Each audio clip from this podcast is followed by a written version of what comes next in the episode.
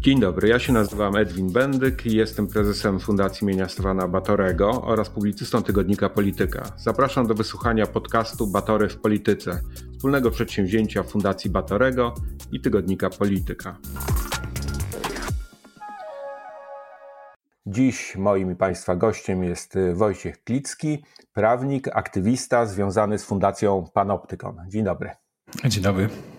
Panoptykon pewno znany jest większości naszych słuchaczy i słuchaczek. Organizacja, która no, od wielu lat upomina się o nasze prawa w przestrzeni cyfrowej i nie tylko, ale, ale ten aspekt y, ochrony prywatności, wolności wypowiedzi, kontroli e, różnego typu sił działających e, w przestrzeni komunikacyjnej jest tą domeną, w której Panoptykon słusznie zajął tutaj ważne miejsce i jest częstym uczestnikiem debaty publicznej. No i dzisiaj chciałbym, korzystając z obecności Wojciecha Klickiego, porozmawiać o, o, o temacie, E, który od, od wielu tygodni e, zajmuje nas bardzo. Jego hasło wywoławcze to jest Pegasus.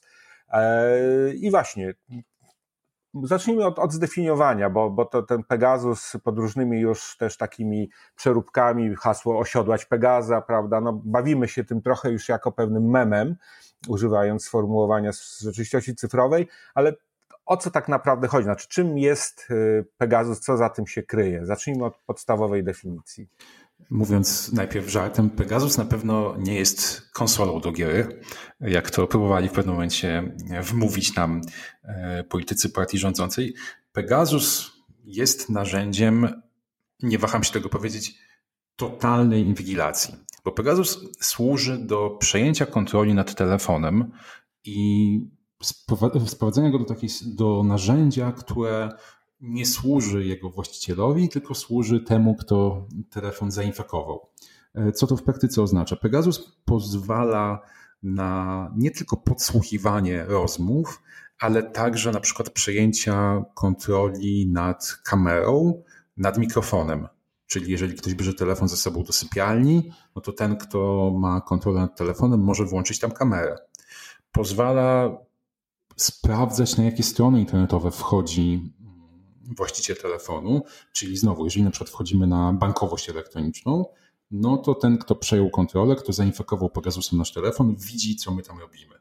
I co jeszcze mm, więcej, mm, Pegasus jest nie tylko narzędziem szpiegowskim, w takim sensie, że pozwala wszelką aktywność monitorować, ale jest także narzędziem, które pozwala także na telefon jakby wkładać różne materiały. Czyli nie tylko zobaczyć, co, jakie pliki tam mamy, jakie zdjęcia, jakie dokumenty, ale też podrzucić dokument, mówię teraz z głowy, na przykład instrukcję, jak zabić prezydenta. Taką instrukcję ktoś może podrzucić na telefon, yy, zainfekowany, zainfekowany telefon, a potem, co, to się, co się z tym stanie, no to już jest odrębna historia. Natomiast bardzo trudno jest potem zweryfikować, który dokument był oryginalnie na telefonie, a który został tam podrzucony przez e, instytucję, która telefon zainfekowała. Ale z tego, co, co, co mówisz, to właśnie to już próbuję dodefiniować, czy e, ten zakres możliwości oferowany przez Pegasusa mieści się jeszcze w kategorii podsłuchu, który no jest w palecie instrumentów, którymi mogą posługiwać się służby państwa, oczywiście pod kontrolą sądową, czy już wykracza i jest, jest czymś, co, co należy do jakiejś innej kategorii? W debacie publicznej stosujemy sformułowanie podsłuch. W przepisach mowa jest o kontroli operacyjnej. I ta kontrola operacyjna może oznaczać kontrolę treści korespondencji, treści rozmów, Natomiast zdaniem wielu ekspertów, także moim zdaniem, zakres czynności, jakie mogą służby podejmować w ramach kontroli operacyjnej, nie obejmuje tak totalnej inwigilacji, jaką oferuje Pegasus. W związku z tym ja stoję na stanowisku, że bez względu na to, czy, y, czy sąd wypowiadał się w sprawie inwigilacji i zastosowania Pegasusa w konkretnej sytuacji, on tak czy siak jest z gruntu rzeczy nielegalny, bo polskie prawo na tę chwilę nie przewiduje takiej formy, tak głębokiej e, inwigilacji. Ale strona rządowa, kiedy już przestała właśnie używać, czy przedstawiciele strony rządowej przestali używać tych odniesień do konsoli, prawda, i bagatelizowania, zaczęli troszeczkę inną strategię y, stosować, mówiąc, że Pegasus y, no, wszedł w posiadanie służb ponad 100 państw, czyli czy Polska tu się różni od, od innych krajów w tym sensie, że u nas nie powinno być gdzie indziej można, czy o, o, o co chodzi? Skąd taka w ogóle moda na Pegasusa na całym świecie? No, Pegasus rzeczywiście jest narzędziem, które, tak jak wszyscy teraz y, wiemy, no, daje spektakularne możliwości e, i wyobrażam sobie wiele sytuacji, w których te spektakularne możliwości są no, wykorzystywane w szczytnych celach.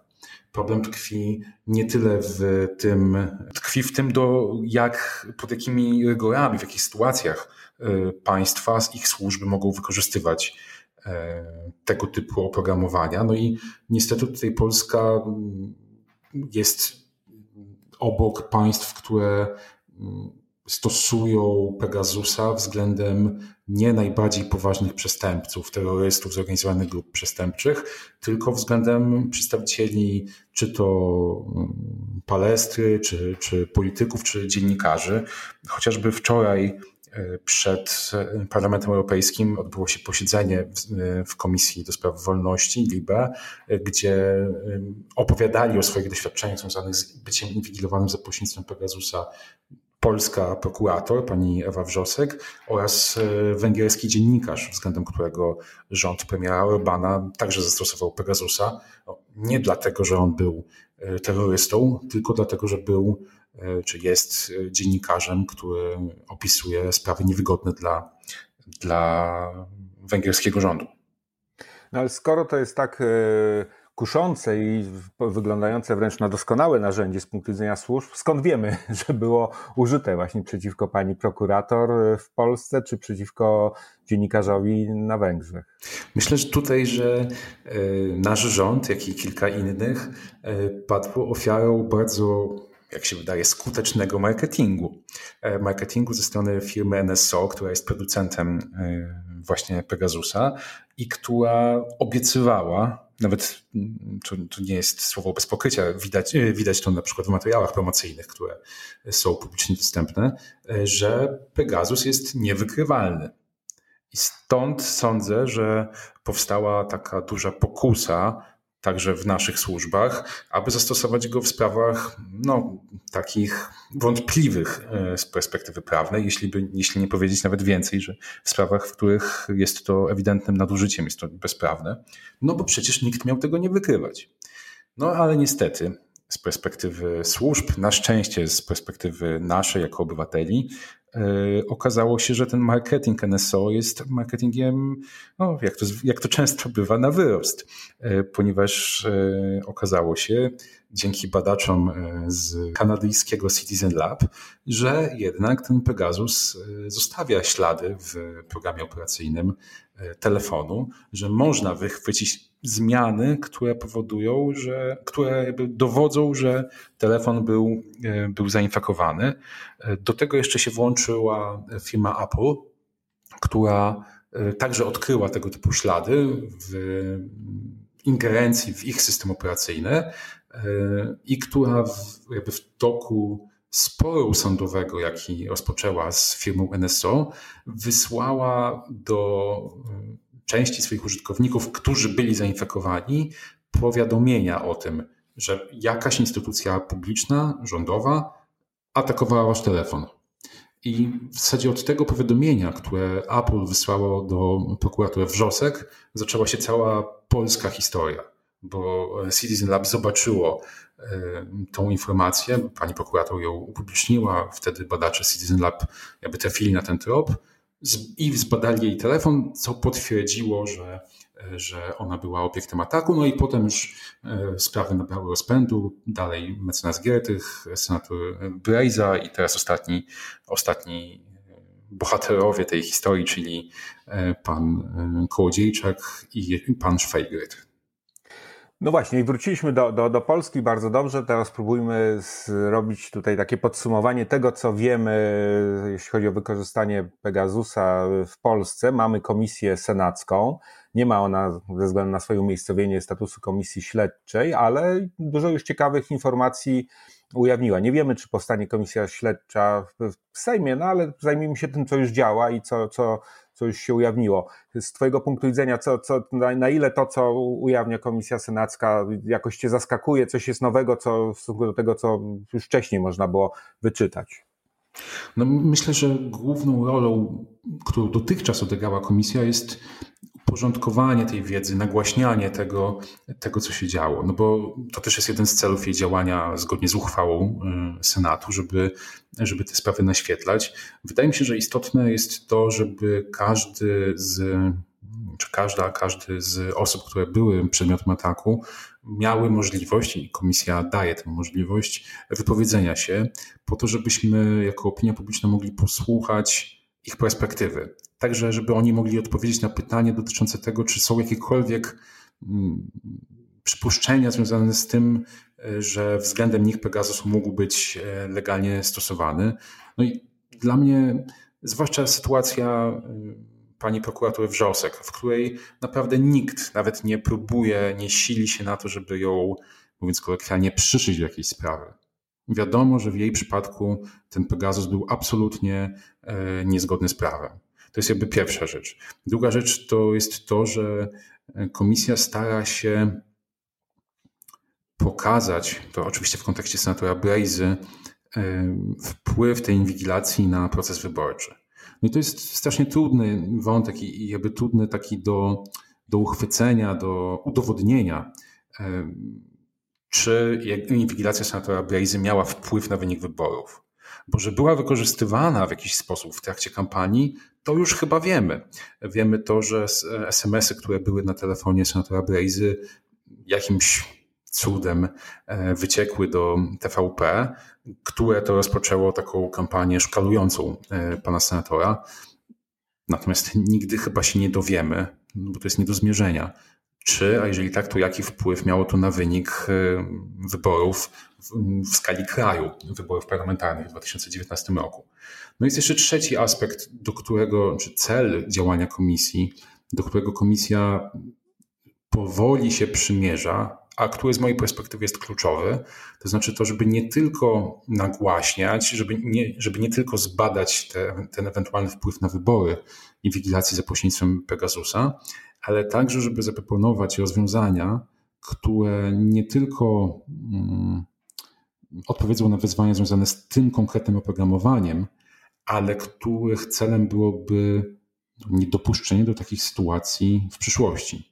Bo rzecz nie tylko w tym, żebyśmy się przyglądali temu, co było, ale żebyśmy byli troszeczkę mądrzejsi i żebyśmy posunęli dyskusję na temat służb odrobinkę do przodu i przedstawili jakiś projekt ustawy. Tutaj pokazuję logikę, która, którą chciałbym, żeby senatorowie się kierowali, która e, ta ustawa miałaby w przyszłości zapobiec e, takim, takim sytuacjom, jak, z jaką mieliśmy dotychczas do czynienia. To za chwilę jeszcze przejdziemy do tych właśnie prób regulacji, ale jeszcze bym spróbował taki bilans y, tego, tego co, co wiemy o, o Pegasusie dokonać, bo też już z Twojej wypowiedzi widać, że sprawa no, ciągnie się przez kilka lat. Mówimy o wyborach, które miały miejsce w 2019 roku. I teraz jak popatrzymy na to wszystko, E, to, to jest tam no, no, wiele różnych problemów. Pierwsze sam zakup Pegasusa i forma tego zakupu, prawda? Potem właśnie stosowanie e, tej, tej, tej metody i czy, czy sądy wiedziały, na co się zgadzają, jeżeli w ogóle uczestniczyły w, tej, w tym procesie. No potem właśnie y, już konkretne przypadki, które, które są ujawniane i które jeszcze pewno wiele poznamy. Jeżeli rację ma to, co mówił y, poseł Suski, prawda, że chodzi tam raptem o setki osób, prawda, no to, no to, to, to może w tych setkach mogą być wiele ciekawych również z obozu władzy, prawda, już przecież pan poseł Ardanowski chociażby czeka z niecierpliwością na, na efekt sprawdzenia. Więc jakbyśmy to uporządkowali, gdzie, gdzie tu jest Y, jakby jakąś hierarchię problemów, bo, bo z tego też będzie wynikało właśnie chyba no, hierarchia odpowiedzi, jakie powinniśmy zastosować. Myślę, że ważne jest to, o czym mówiłeś pod koniec, znaczy to, że osób, które były inwigilowane Pegasusem zapewne było znacznie więcej. I dla mnie być może ciekawszy od pana posła Ardanowskiego jest przypadek pana Kołodziejczaka, czyli lidera agrounii, który był inwigilowany, bo dla mnie ta sprawa pokazuje, że nie trzeba być koniecznie e, politykiem, adwokatem czy prokuratorką, ale no, ja postrzegam pana Kołodziejczaka trochę w kategoriach aspirującego polityka, ale też aktywnego obywatela. No bo w okresie, w którym on był inwigilowany, y, no to był człowiek, który organizował ruch y, sprzeciwu rolników, który organizował jakieś blokady na, na, na drogach. Y, nie oceniam, czy, czy te sprawy, w których on protestował, były słuszne, czy nie. Nie znam się na tym. Natomiast pokazuje to, że nie tylko osoby mm, takie absolutnie z pierwszych stron gazet, ale także jacyś aktywiści, aktywistki też mogą być, yy, mogą być inwigilowani. To jest pierwszy wątek. Drugim jeszcze, który, który wydaje mi się, że w sprawie, w pracach komisji zaczyna powoli wybrzmiewać i, i które uważam za najważniejsze. To jest pokazywanie, że Pegasus ma swojego rodzaju pecha, miał być narzędziem niewykrywalnym, a okazało się, że wcale tak nie jest i że i w związku z tym dzięki temu wiemy o konkretnych osobach, które były inwigilowane. Natomiast jutro nasze służby mogą używać innego oprogramowania, chociażby jest takie oprogramowanie, które się nazywa Predator i które być może także jest w rękach naszych służb. Siedem lat temu e, także CBA wykorzystywało narzędzie, które się nazywa Remote Control System, które jest podobne do Pegasusa i tylko, że służy do infekcji komputera. Więc jakby mm, wydaje mi się, że coraz bardziej się przebija do prac senackich i też do opinii publicznej to, że nie powinniśmy się skupiać wyłącznie na Pegasusie, bo no to jest takie samo oprogramowanie jak każde inne. E, ale nie w nim i w jego stosowaniu e, tkwi problem. Organizacje społeczne wystąpiły z takim apelem, e, między innymi pan Optykon sygnował ten, ten, ten, ten apel właśnie o, o doprowadzenie, i tutaj już zaczęliśmy trochę o tym mówić, o ustawowym jakimś roz, rozwiązaniu, które by zwiększyło kontrolę nad wykorzystywaniem podobnych narzędzi przez służby. Mm, czy to rzeczywiście daje szansę, znaczy, czy, czy, czy wystarczą rozwiązania legislacyjne, no skoro właśnie nawet sam zakup y, Pegasusa widzimy, że w ramach istniejącego prawa też nie powinien dojść do skutku i y, nie, nie, no, jesteśmy bezradni, bo okazuje się, że jeżeli władza nie uznaje prawda, no, istniejących norm prawnych, no to, to, to, to nagle się okazuje, że jesteśmy dosyć bezradni.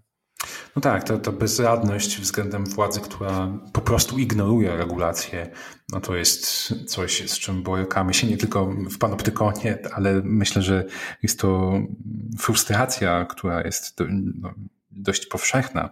Natomiast jeżeli chodzi, jeśli chodzi jeszcze o ten zakup, to tam y, problemem było to, w jaki sposób, skąd wzięto pieniądze na, na sfinansowanie Pegasusa i doprowadzono do takiej machinacji finansowej, już upraszczając tu całą sprawę, że mm, zakup Pegasusa był sfinansowany ze środków e, płynących z Funduszu Sprawiedliwości, Ministerstwa Sprawiedliwości. Cała ta mm, operacja miała na celu, jak się wydaje, doprowadzenie do tego, że nikt nie będzie wiedział o tym, że CBA kupiło, e, kupiło Pegasusa. Przy czym mówiąc nikt, mam na myśli nie tylko opozycję, nie tylko obywateli, ale nawet inne służby, nawet wewnątrz rządu. Miało to być e, poufne. Więc e, i Najwyższa Izba Kontroli, obserwując tę operację, czy badając ją, doszła do wniosku, że, że tutaj naruszono przepisy związane z dyscypliną finansów publicznych, ale to jest jakby kwestia trochę taka powiedzmy księgowa, trochę związana z tym, w jaki sposób e, możemy kontrolować wydatkowanie środków publicznych, ale nie, nie bezpośrednio związana z inwigilacją. No bo dzisiaj kupowano Pegasusa, można byłoby te pieniądze przeznaczyć na, na coś innego. E, więc to jest jakby jeden wątek. Natomiast drugi wątek, ten związany z listem. Faktycznie organizacje społeczne, wśród nich Panoptykon, oczekują, że ta sprawa nie tylko będzie e, pretekstem czy powodem do takiej rytualnej e, bitwy pomiędzy partiami politycznymi, które będą się już mówiąc kolokwialnie, nawzajem okładały takimi pałkami z napisem inwigilacja, jesteście źli, e, tylko żeby podeszli do tego w taki sposób trochę bardziej odpowiedzialny i w sposób taki no, propaństwowy. Czyli ten sposób, o którym mówiłem wcześniej, e, sposób poszukujący rozwiązania na przyszłość. Bo dzisiaj rzeczywiście jest tak, że służby mogą E, robić w gruncie rzeczy co chcą, nie podlegają silnej, niezależnej kontroli. E, I to nawet nie jest kwestia tego, że aktualny rząd e, nie jeden raz działał jawnie wbrew przepisom, tylko kwestia tego, że te przepisy są złe. I służby mogą działać w taki sposób nadmiarowy, inwigilować obywateli, obywatelki, działając zgodnie z prawem, bo prawo jest złe. E, więc y, oczekujemy jako te organizacje zmiany, zmiany prawa. On oczywiście nie nastąpi w najbliższych tygodniach ani miesiącach, ale może nastąpić. Może nastąpić w sytuacji, w której doszłoby do zmiany władzy. Ja stoję na takim stanowisku, że jeśli dojdzie do zmiany władzy, to będzie umowne 100 dni takiego takiego praworządnościowego zapału, jeśli mogę tak powiedzieć, e, e, zapału, który będzie polegał na próbach no, przywrócenia różnych e, zasad związanych z, z wymiarem sprawiedliwości i tym wszystkim, o czym bardzo często w mediach słyszymy. Chciałbym, żeby ten zapał i ten, ten praworządnościowy, praworządnościowa energia dotknęła także, objęła także obszar służb specjalnych i żeby ta komisja, która pracuje w Senacie, która nie ma uprawnień śledczych, w związku z tym ona nie, nie, nie wykryje nie wiadomo czego, to żeby ona miała jeden bardzo konkretny efekt swoich prac. Właśnie dobrą propozycję, która no, w jakikolwiek w, zminimalizuje, jeżeli potem zostanie przyjęta, ryzyka związane z e, no, nielegalną inwigilacją obywateli i obywatelek, bo też jakby sprawa Pegasusa pokazuje nam y, stawkę, y, jakiej to dotyczy. Bo tutaj możemy patrzeć na to z takiej perspektywy jakiegoś spektaklu politycznego, ale widzimy na sprawie Pegasusa, że inwigilacja to nie jest y, naruszenie prywatności tej czy jednej osoby. Jest to coś, co może zagrozić E, naszej wolności, naszej wolności naszych wyborów. E, tutaj sprawa pana senatora Brejzy się kłania e, w całej okazałości, więc jakby jest to coś, co w interesie publicznym powinno być rozwiązane.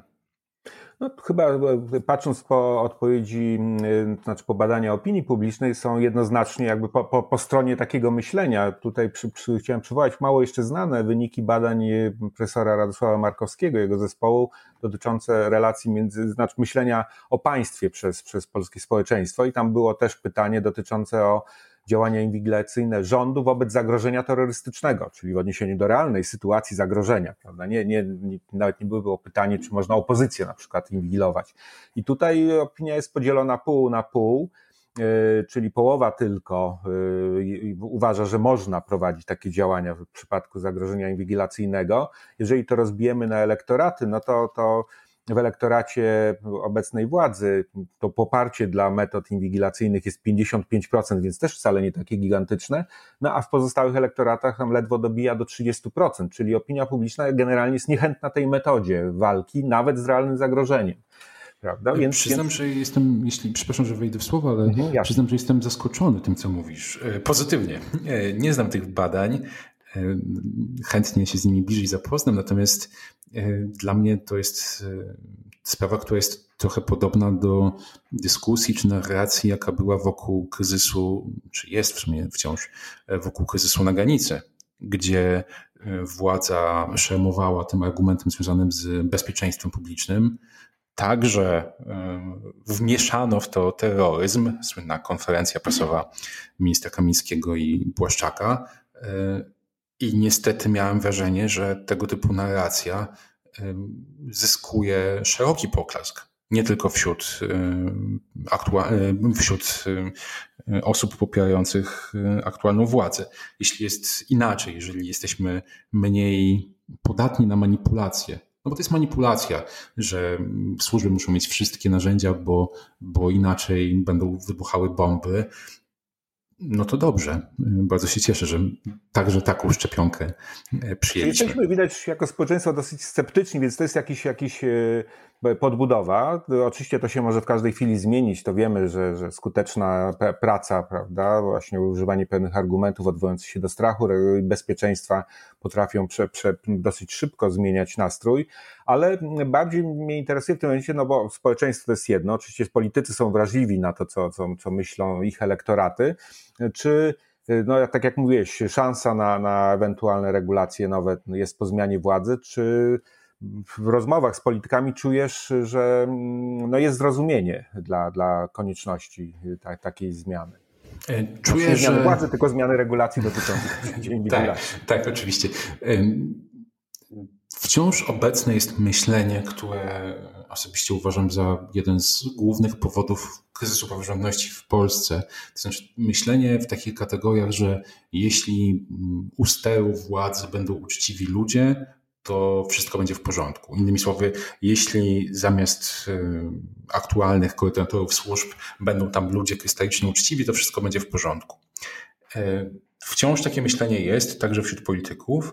Natomiast mam wrażenie, że ze względu na mm, no, skalę tej afery z Pegasusem, to jak długo ona żyje, jak wielu osób dotknęła, to pojawia się y, zrozumienie wśród y, polityków tego, że te roszady personalne nie wystarczą i że faktycznie potrzebne jest jakieś rozwiązanie systemowe. Y, ja z jakąś satysfakcją obserwuję pojawiające się pomysły, deklarowane pomysły wśród kolejnych y, ugrupowań politycznych, opozycyjnych, właśnie żeby zmiana była głębsza niż, niż personalna. Przy czym my jako panoptykon i też osoby, które się zajmują tym obszarem, jakby proponujemy od wielu lat reformę, która miałaby dwa elementy. Jednym elementem byłoby, czy powinno być stworzenie niezależnej instytucji kontrolującej służby. Drugim elementem wprowadzenie mechanizmu informowania osób inwigilowanych o tym, że były przedmiotem zainteresowania ze strony służb, oczywiście z jakimś opóźnieniem, na przykład 12-miesięcznym. I y, te oba postulaty są coraz silniej y, publicznie deklarowane, wsparcie dla nich jest deklarowane. W Sejmie jest projekt autorstwa PSL-u, gdzie, za który odpowiada pan poseł Biernacki, który realizuje ten obowiązek informacyjny. Niedawno Polska 2050 deklarowała, że oni pracują już nad projektem tej instytucji kontrolnej. Więc jakby ta poparcie dla tych, dla tych zmian jest e, coraz silniejsze, co też nie ukrywam, jest pewnym powodem do satysfakcji z perspektywy panoptykonu, no bo my o tej potrzebie mówiliśmy, e, mówiliśmy od lat. Pegasus i ta afera jakby pokazała, że no, ojejku, no mieliśmy rację, także że trzeba wprowadzić mechanizmy kontrolujące, kontrolujące służby. No i im więcej, im, im większa grupa polityków i polityczek te, te argumenty podziela, tym lepiej dla nas. Przy czym mówiąc nas, mam na myśli już nie panoptykon, tylko e, całe społeczeństwo, które, no, które w jakimś stopniu pada ofiarą tej inwigilacji. No właśnie, w ostatnim pytaniu chciałem y, tutaj już, już y, zapytać o, o rolę mm, społeczeństwa obywatelskiego, jego organizacji. No w takim uświadomieniu służbom, y, bo właśnie, że, że dzisiaj mimo tych możliwości migracyjnych, które znacznie się zwiększyły dzięki technologiom, również zwiększyły się możliwości wykrywania tych, tych, tych działań. No, przykład Pegasusa jest, jest doskonałym, którym rola organizacji społecznych no, była istotna, bo i wspomniany Citizen Lab, no, on jest afiliowany przy Uniwersytecie w Toronto, ale de facto ma strukturę e, organizacji społeczno, takiej łączącej kompetencje aktywistyczne z e, akademickimi, jest wspierany przez wiele fundacji. I one właśnie finansują jego działalność. Amnesty International ma, ma swój też Security Lab, inne organizacje zajmujące się trochę innymi rzeczami, ale w podobnym obszarze, jak Bellingcat, prawda, który ujawnia działania już y, wywiadów, prawda, i w, nie, w niecnych celach, jak chociażby próba morderstwa Sergeja Skripala, prawda, przez agentów y, e, FSB. To wszystko widać, że, że nie da się nic ukryć dzisiaj, prawda, i że tutaj nawet organizacje obywatelskie y, są w stanie porównywalną tutaj, jakby nie chcę powiedzieć walkę, ale taką no, konfrontację po, po, podejmować. Czy to, czy to też jest jakaś szansa na, na, na uspokojenie tej, tej rozmowy, wybicie z przekonania, że, że, że można właśnie dzisiaj wszystko i będzie się bezkarnym?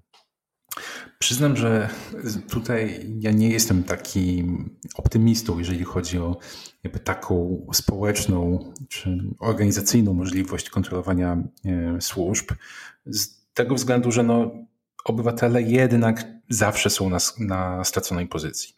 Fajnie, że ja bardzo się cieszę, że, że Citizen Lab osiągnęło to co, to, co osiągnęło. Natomiast y, Pegasus jest tylko jednym z narzędziem, a o wielu innych y, nie wiemy. Y, oczywiście taka lampka alarmowa u funkcjonariuszy uważaj, bo być może, na przykład przekraczając uprawnienia, uważaj, bo być może będzie jakaś organizacja, która takimi czy innymi metodami do tego dojdzie i potem, i potem ty poniesiesz odpowiedzialność, jest bezcenna. Natomiast y, ja jednak uważam, że służby i ich y, działanie zgodne z prawem bądź nie są bardzo silnie sprzęgnięte z stanem praworządności, demokracji w konkretnych państwach. I wolałbym, y, czy może inaczej, poszukiwałbym rozwiązań problemów związanych z infiltracją nie tyle w takim wyścigu zbrojeń między służbami a obywatelami, to znaczy takim, że służby coś kupują, obywatele, ich organizacje coś odkrywają, śledzą, tylko w tym, żeby w ramach państw demokratycznych, w których te służby działają, istniały po prostu legalnie, mm, znaczy, może to złe słowo, nie tyle legalnie, co jakby wpisane w system demokratyczny instytucje, które nie muszą się ścigać ze służbami, tylko którym te służby są w pewnym zakresie podległe i którym muszą się tłumaczyć. Taka sytuacja moim zdaniem jest e, lepsza z perspektywy e, obywatelskiej, no ale cieszmy się tym, co mamy i rzeczywiście wielkie wyrazy uznania dla tych organizacji, które, e, które wymieniłeś, no bo bez nich bylibyśmy już zupełnie ślepi. Nie, pełna zgoda, że, że potrzebujemy tutaj unormowań prawnych i, i też pewnego i skutecznych takich, które, które będą działać. Dlatego też zresztą Fundacja Batorego podpisała się pod tym listem, pod którym podpisał się również pan Optykon. Jesteśmy za tym, żeby, żeby to regulować właśnie i wpisać w, w, no, w dyskurs praworządności, ale o tym bezpieczników w postaci kompetencji organizacji obywatelskich, też takich e, śledczych, nazwijmy czy watchdogowych, strażniczych, no wspominam, że jako, jako też y, desce, prawda, ratunku, która, która czasami się przydaje, oby jak, naj, oby jak najrzadziej. Y, gościem y, dzisiejszego spotkania, dzisiejszego podcastu był Wojciech Klicki z Panoptykonu. Dziękuję. Dziękuję za zaproszenie.